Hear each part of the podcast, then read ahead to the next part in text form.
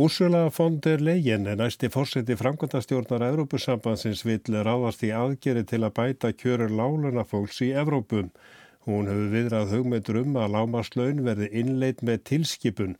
Kristján Bragason segir að launamönurinn sé mikill. Víða í Suðaustur Evrópu séu tímalön undir tveimur evrum á sama tíma og greittar séu 12 til 18 evrur í löndum í vestur Evrópum. Kristján Bragarsson hefur síðastliðin sex ár haft aðsetur í Kaupmannahöfn og starfa sem framkvæmdastjóri samtaka launafólks, hótel og gistihúsa á Norrlöndunum. Í næsta mánuði tekur hann við framkvæmdastjóra stöðu hjá EFFAT, Evróskum samtökum launafólks í matvæla, landbúnar og ferðarþjónustu greinum. Félagsmenn eru 1,5 miljón í 115 aðeldarfélugum í 38 löndum í Evrópum. Hann flutti erindi á þingi starfskrinarsambands Íslands sem hóst í morgun um stöðu kjaramálan á Norðurlöndunum og í Evrópun. Hann saði frá hugmyndum tilvanandi fórseta framkvæmtastjórnar Evrópusambandsins Úrsulu von der Leyen um að innleiða meðal annars með tilskipun lámaslun. Hún upplýst í stefnuræðu sinni í september að hún ætlaði í aðgeri til að bæta kjör lánarfólks á fyrstu hundra starfstögun sínum annarkvort með því að ráða því að styrkja kjærasamninga í þeim löndum þar sem kjærasamningerð hefur átt mjög erfitt uppdráttar eða ganga svo lánt að uh, setja fram tilskipun sem myndi ákvarða lámarslaun í Evrópu, ekki svo að við erum að tala um ein lámaslön fyrir alla Evrópu, heldur er þetta lámaslön í hverju landi fyrir sig, hugsalega væri verið að tala um að einhverju lönd gætu verið fyrir utan það, til dæmis eins og Norðurlöndin sem eru ekki með lámaslön í dag, en í þeim löndum þar sem eru lámaslön til staðar í dag, að þá myndur lámaslön ákvarðast sem 60% meðallali eða miðgildi þeirra launa sem eru í gildi í því landi. Kristján segir að ástæða fyrir þessum hugmyndum sé engum svo að mikill ójöfnuður sé nú bæði innan einstakra landa og milli landa. Þetta hefur leitt til óanægu með Evrópussambandið. Fólk eh, hefur ekki efna því að framfara sér og fjölskyldum sínum og, og, og völd fyrirtækja og hagnar þeirra hefur aukist mikið. Markmiðið er einfallega að reyna að lifta lífskjörum stór hóps uh, einstaklinga í almenning, almennings í Evrópusambandinu upp með þessum aðgerðum og skapa þannig meiri sátt um Evrópusambandi til framtíðar. Kristján bendir á að í mörgu löndum í Suðaustur Evrópu séu greiti mjög lág laun, Búlgari, Rúmeni og fleiri löndum. Þau er að greiða eh, fólki lámaslaun sem eru kannski á bylunu 1,5 til 2 eurur á tíman og á meðan lönd eins og eh, Þískaland, Belgia, Norðurlöndin að þar eru laun fyrir sambarileg störf eh, á bylinu 12 til 18 eurur á tíman. Þau laun drægi að vinnuafla frá lálunasvæðunum um leið skapist ákveðin órói í þeim löndum þar sem launin eru há. Og það leiðir til félagsfæra undirbúða vegna þess að margir af þessu einstaklingum sem fara frá þá löndum sem hafa mjög lág laun að þeir eru tilbúin að vinna á launum undir þeim lámaskjörum sem gilda í, í, í, í betur stöttum uh, ríkjum. Hann segir að með vantarlegum aðgjörum með spés ég verið að reyna að minka launamunn millir austurs og vesturs og söðurs og norðurs í Evrópum. Verkalýsreifingin fagnir þessum hugmyndum, mikilvægt sé að Evrópusambandi viðurkenna nöysilegt sé að hækka laun þeirra lagslaunuðum. Ágreiningur sé hins verum hvaða leiðir eigi að fara Norðurlöndin og fleiri lönd hafi efasöndur um tilskipunum lámaslaun, það er ekki við um lönd þar sem verkalýsreifingin er öllu og kjaramál í lægi. Það gefi Európusambandur ómikið vald til að ákvara lámaslun í þessum löndum. Og þetta er eitthvað sem að menn hræðast og vilja komið vekk fyrir en á sama tíma að þá sjá lönd í Austur-Európu enga leið út úr þeirra uh, lálauna uh, pólitík án þess að fá slíka uh, tilskipun og þar alveg er ákveðin tókstreita á milli austurs og norðurs í augnablikinu innan verkefnarsyngan í Evropu. Brota starfsemi á vinnumarkaði er eitt þeirra mála sem eru rætt á þingi starfsgreina sambandsins. Ásmundur Einar Daðarsson, félagsmálar á þeirra, sað á þinginum að nú varu til drög að samvinnu vinnumálastofnunar, vinnu eftirlitsins, skatta yfirvalda og lauruglu um hvernig þessar stofnanir geti eftirlit með þessari brotastarfsemi. Kristján sem starfar að réttindabaróttu fólks sem starfar í hótel og veitingahúsageranum segir að söm fyrirtæki líta fólk sem neistlu vöru. Ástandi í þessum geira er mjög slæmt. Eh, í, í samabörði við hefðbundin innastörf að, að þá er mjög algengt að eh, fyrirtæki í hótel og veitingageranum að þau eh, bjóðu upp að mjög slæm starfskjör, óreglulega vinnutíma, hlutastörf uh, og lálaun. Uh, starfskjör í þessum greinum eru, eru óviðurandi og það er ljóst að það þarf að taka uh, greittistæki til þess að laga þess mál og þá er einnig ljóst að, að, að fyrirtæki í þessum geira hafa enga veginn verið tilbúin að meta mentun og uh, reynslu til, uh, til, uh, til launa sem gerir það verkum að það er mjög erfitt að halda fólki lengi í störfum og þar alveg er eh, mjög mikil starfsmannavelta og fáir sem vinna eða sjá störf í þessum geira sem framtíðastarf. Þú sagðir í ræðu þinni að eh, já, söm fyrirtæki eh, lítir heimlega á starfsfólk sem neyslu varning. Hvað áttu þið með því?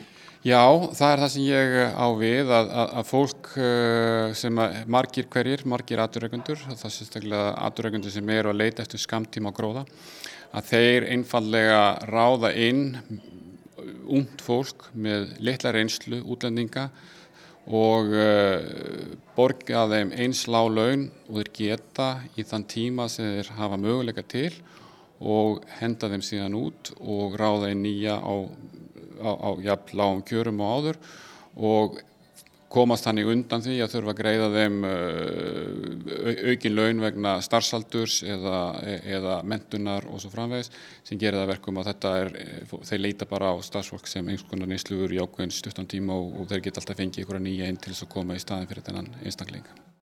Þetta var eh, Kristján Bragarsson. Í dag er dagur saminuð þjóðanum að því tilefni stóðu Alþjóðamálastofnun Háskóla Íslands og festa miðstöðum samfélags ábyrði fyrir fundu markmiði sem Norðurlanda þjóðunar hafa sett sér á sviði sjálfbarni og hvað fyrirtæki geta lagt að mörgum til að ná þeim markmiðum.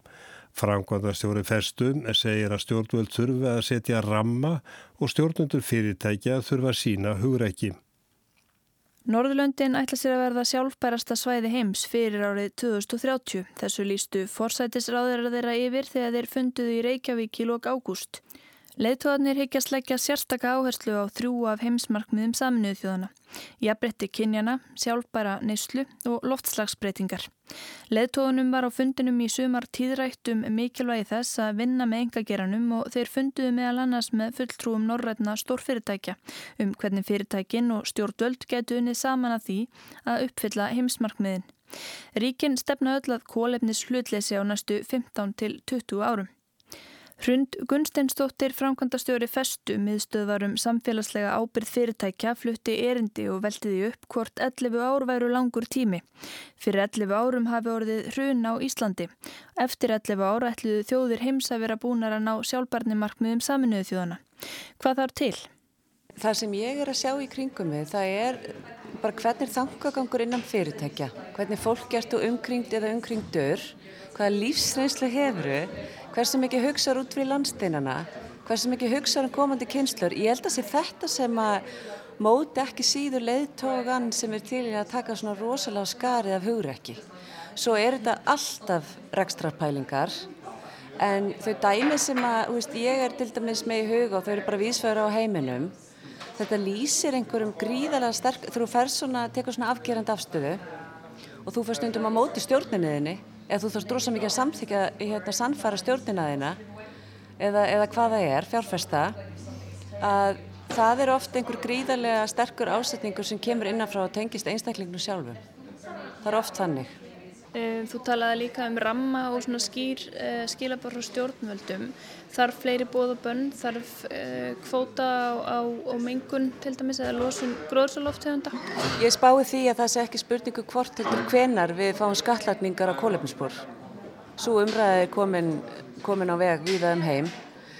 Þegar við tölum um bóð og bönn í tengslu við ramma og leiðaljós þá langar mér svolítið að við endurhugsun það vegna þess að tökum bara þessi dæmi með kynjakvóta.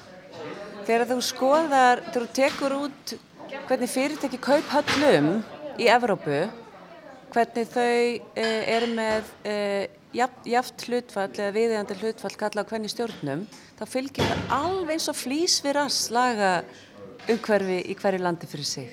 Sem segir manni bara það að það þarf lagaramann til þess að við tökum svona ákvarðanir, oft á tíðum. Fyrirtæki sem eru innan festu sem eru í risastórum hlutafahópi til dæmis, þau lýsa því líka bara. Svo settu stjórnvöld þessi lög eða þennan ramma eða Europasambandi eða hvaða var og þá fórum við á þessu vegferð. Og þú sér það eins og heimsmarkmið saminuði þjóðana, þau eru ekki lög en þau eru leiðavísir og það er ekki búið að bann.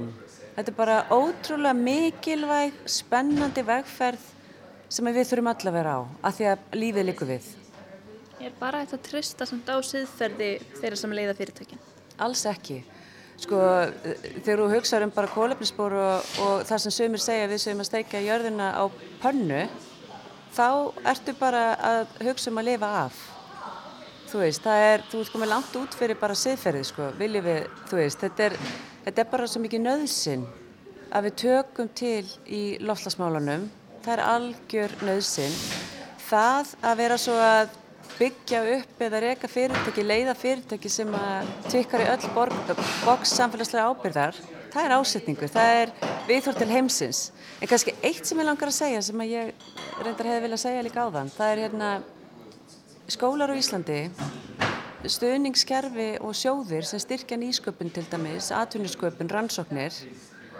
Af hverju er það ekki allt grundfallað á þeirri einföldu sín að allt sem er styrt og allt sem við fjárfæstum í á að vera í þá átt að stöðla reynulofti, bara nýsköpun í, í því og að kenna börnum og fullöldum í þessu landi þannig að við fungurum rosalega vel í sjálfbæru samfélagi.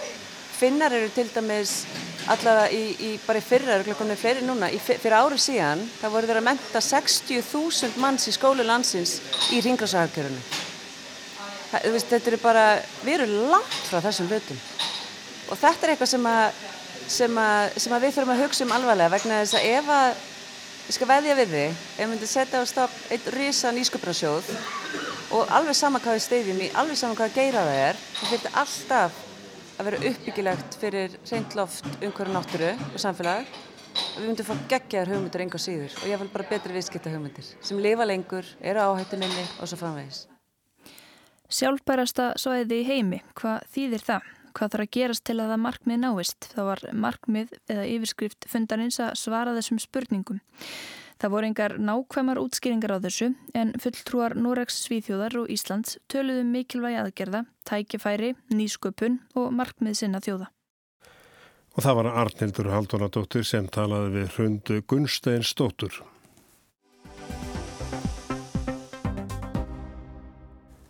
Tíu árið liðin frá því fyrstu erlendu skipin fengi að fara norð-austulegina sókvöldu millir Evróp og Asju um Ísafið, Norðan Sýbur í rúsnenskri landhelgi. Það er þriðjungi stýttir leiðan að fara með Súes skurðin millir heimsálfa, Ísin er að brána, en hvernig gengur að fá skipafjölu til að nýta sér þessa leið? Áratugur er nú liðin frá því fyrsta flutningaskipið fór norð-austuleiðina svokvölluðu án þess að ísbrjótur ritti því leið í gegnum hafísin. Þetta sama sumar buður rússar fyrsta erlenda skipafélaginu að nýta þessa leið á milli Evrópu og Asju, norðan við Sýberju og stitta ferðina um þriðjung. Það sparar tíma og eldsneiti. Bráðnun Íshellunar í kringum norðurskautið hefur orðið til að vekja aðtegli á þessari hjáleið milli heimsálfa. Leiðin er fær og það eru engir sjóræningja sem ráðast á flutningaskipin og ferðartíminn stittist um viku eða tíu daga. Á tíma Sovjetríkjana var norðustuleiðin eða hlutar hennar nýttir með aðstóð kjarnarkuknúuna Ísbrjóta og leiðin var opinn fyrir skip sovjetmanna öll sömur frá árinu 1959. En svo hrundu Sovjetríkin og ferðir hérna fjalluna er niður. Síðar áttuðu rússar sig á því að þetta gæti verið freistandi siglingaleið fyrir útlendskipafélög um leið og þeir fengju sjálfur fleiri verkefni fyrir hjálparskip sín. Allir grættum. En tíu árum síðar hefur lítið miðað í að vekja áhuga erlendu skipafélagana. Ferðir um nordöstuleiðina eru enn á tilraunastígi. Norsku skipaegandi sendi Járd fram östur til Kóru fyrsta sumarið og Mark frá Danmörku sendi freðfisk í gámum þessa leið í fyrra. En allt eru þetta bara nokkri týjir skipa á sumri. Árið 2013 fóru 46 skipa alla leið og ferðafjöldin hefur lítið breyst síðan. Það er engin örtröð á norðaustu leiðinni þótt ísin sé nú minna vandamál en var þegar sovjetmenn sendu fyrsta ísbrótin alla leið fyrir 60 árum. Eftir sem áður er ísin mikið vandamál og leiðin aðeins færa án aðstóðar fáa daga síðsumars hvað sem síðar verður ef ísþekjan mingar enn. Ein hugmynd er að byggja stórskipahöfn í finnafyrðu austanlands til umskipunar og varningi sem kemur nú um norðaustu leiðina þegar og ef hún verður almennt nýtt. Rússar nota þessa leið eins og löng hefðir fyrir hjá þeim Núna allra síðustu ár hafa þeir í vaksandi mæli flutt frist jarðgas fá Jamalskaga í Sýberju til umskipunar í rúsneskum höfnum. Annað mál er tregða erlendra skipafélaga til að stitta sér þessa leið millir Evróp og Asju. Kannanir skipafélaga eins og Mask í Danmörku hafa lett í ljós á norðaustuleiðin er enn ekki samkeppnisvær við flutningum súeskurðin þótt súleið sé mun lengri. Þessar aðtóganir hafa einn orða skýsluöfni hjá til dæmis Frithjón Ansenstofnun í Nóriði og fleirum. Niðurstöðnar eru allar á sama veg.